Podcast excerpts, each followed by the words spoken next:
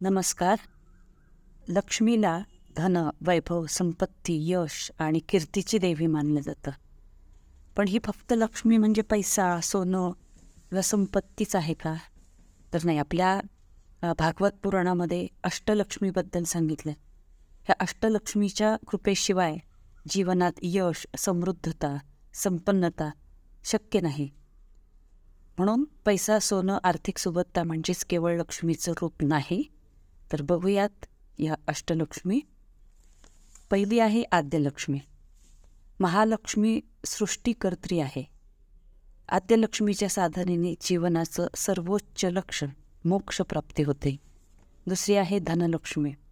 धनलक्ष्मी ज्याच्यावर प्रसन्न असते त्या व्यक्तीला आर्थिक सुबत्ता असते. लक्ष्मीने हे धनलक्ष्मीचं रूप कुबेराला कर्जमुक्त करण्यासाठी घेतलं होतं असं म्हणतात.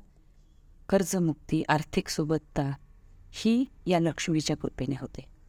तिसरी आहे धान्यलक्ष्मी पृथ्वीवर धान्याच्या रूपात ही लक्ष्मी वास करत असते. अन्नपूर्णा म्हणूनही हिला संबोधले जाते. अन्नाचा अनादर धान्याची नासाडी जिथे जिथे होते तिथे अन्नपूर्णा नाराज होते. खाल्लेलं अन्न अंगी न लागणं घरात धान्य पुरवठी न येणं ही त्याची लक्षणं. गजलक्ष्मी चौथी लक्ष्मी जमिनीच्या सुपिकतेची देवी. राजयोग देणारी राजलक्ष्मी राजवैभव. संतान प्राप्तीसाठी पण हिची आराधना करतात. पशुधनाची समृद्धी देते ही गजलक्ष्मी. पाचवी आहे संतान लक्ष्मी स्कंद माता म्हणूनही या देवीला ओळखलं जातं. संतान लक्ष्मी आपल्या भक्तांचं रक्षण संतान रूपात येऊन करते. वंशवृद्धी. ज्यांच्यावर संतान लक्ष्मीची कृपा नसेल त्यांची मुलं सुख न देणं अपत्य न होणं झालं तरी आरोग्य ठीक नसणं इत्यादी बाधा या लक्ष्मीच्या अप्रसन्नतेने होतात. सहावी आहे धैर्यलक्ष्मी वीरलक्ष्मीसुद्धा म्हणलं जातं. धैर्यलक्ष्मी आपल्या भक्तांमध्ये वीरता साहस प्रदान करते. ओज देऊन युद्धात विजय प्राप्त करून देणारी ही लक्ष्मी माता. बल ताकद देणारी. या लक्ष्मीच्या कृपेअभावी ती व्यक्ती घाबरट मुलं डरपोक होणं घरात सगळं भीतीचं वातावरण असणं हे घडतं. उपासनेने भीतीचा नायनाट करणारी धैर्यलक्ष्मी सातवी आहे विजयलक्ष्मी किंवा विद्यालक्ष्मी. या मातेच्या कृपेने भक्ताला बुद्धिमत्तेची ज्ञानाची देणगी मिळालेली असते.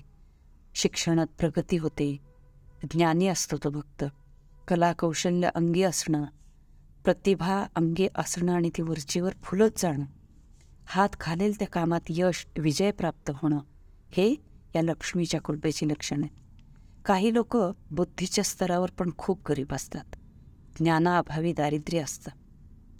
पैसा असला तरी तो कसा खर्च करावा हेही कळत नाही.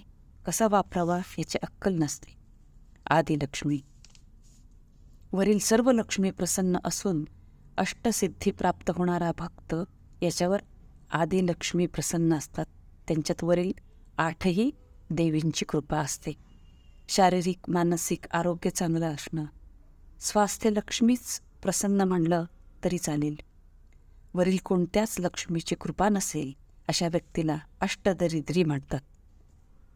एवढं असूनही प्रत्येक स्त्री लक्ष्मीचं रूप आहे असं मानून घरातल्या स्त्रियांना सन्मानानं वागवणं तिच्यावर अन्याय अत्याचार होऊ न देणं स्त्रीबद्दल अपशब्द न वापरणं तिची मानहानी न करणं हे सुद्धा लक्ष्मीच्या कृपेला पात्र होण्याकरताच आहे आणि आपण याद्वारे सुद्धा लक्ष्मीला प्रसन्न करू शकतो. धन्यवाद.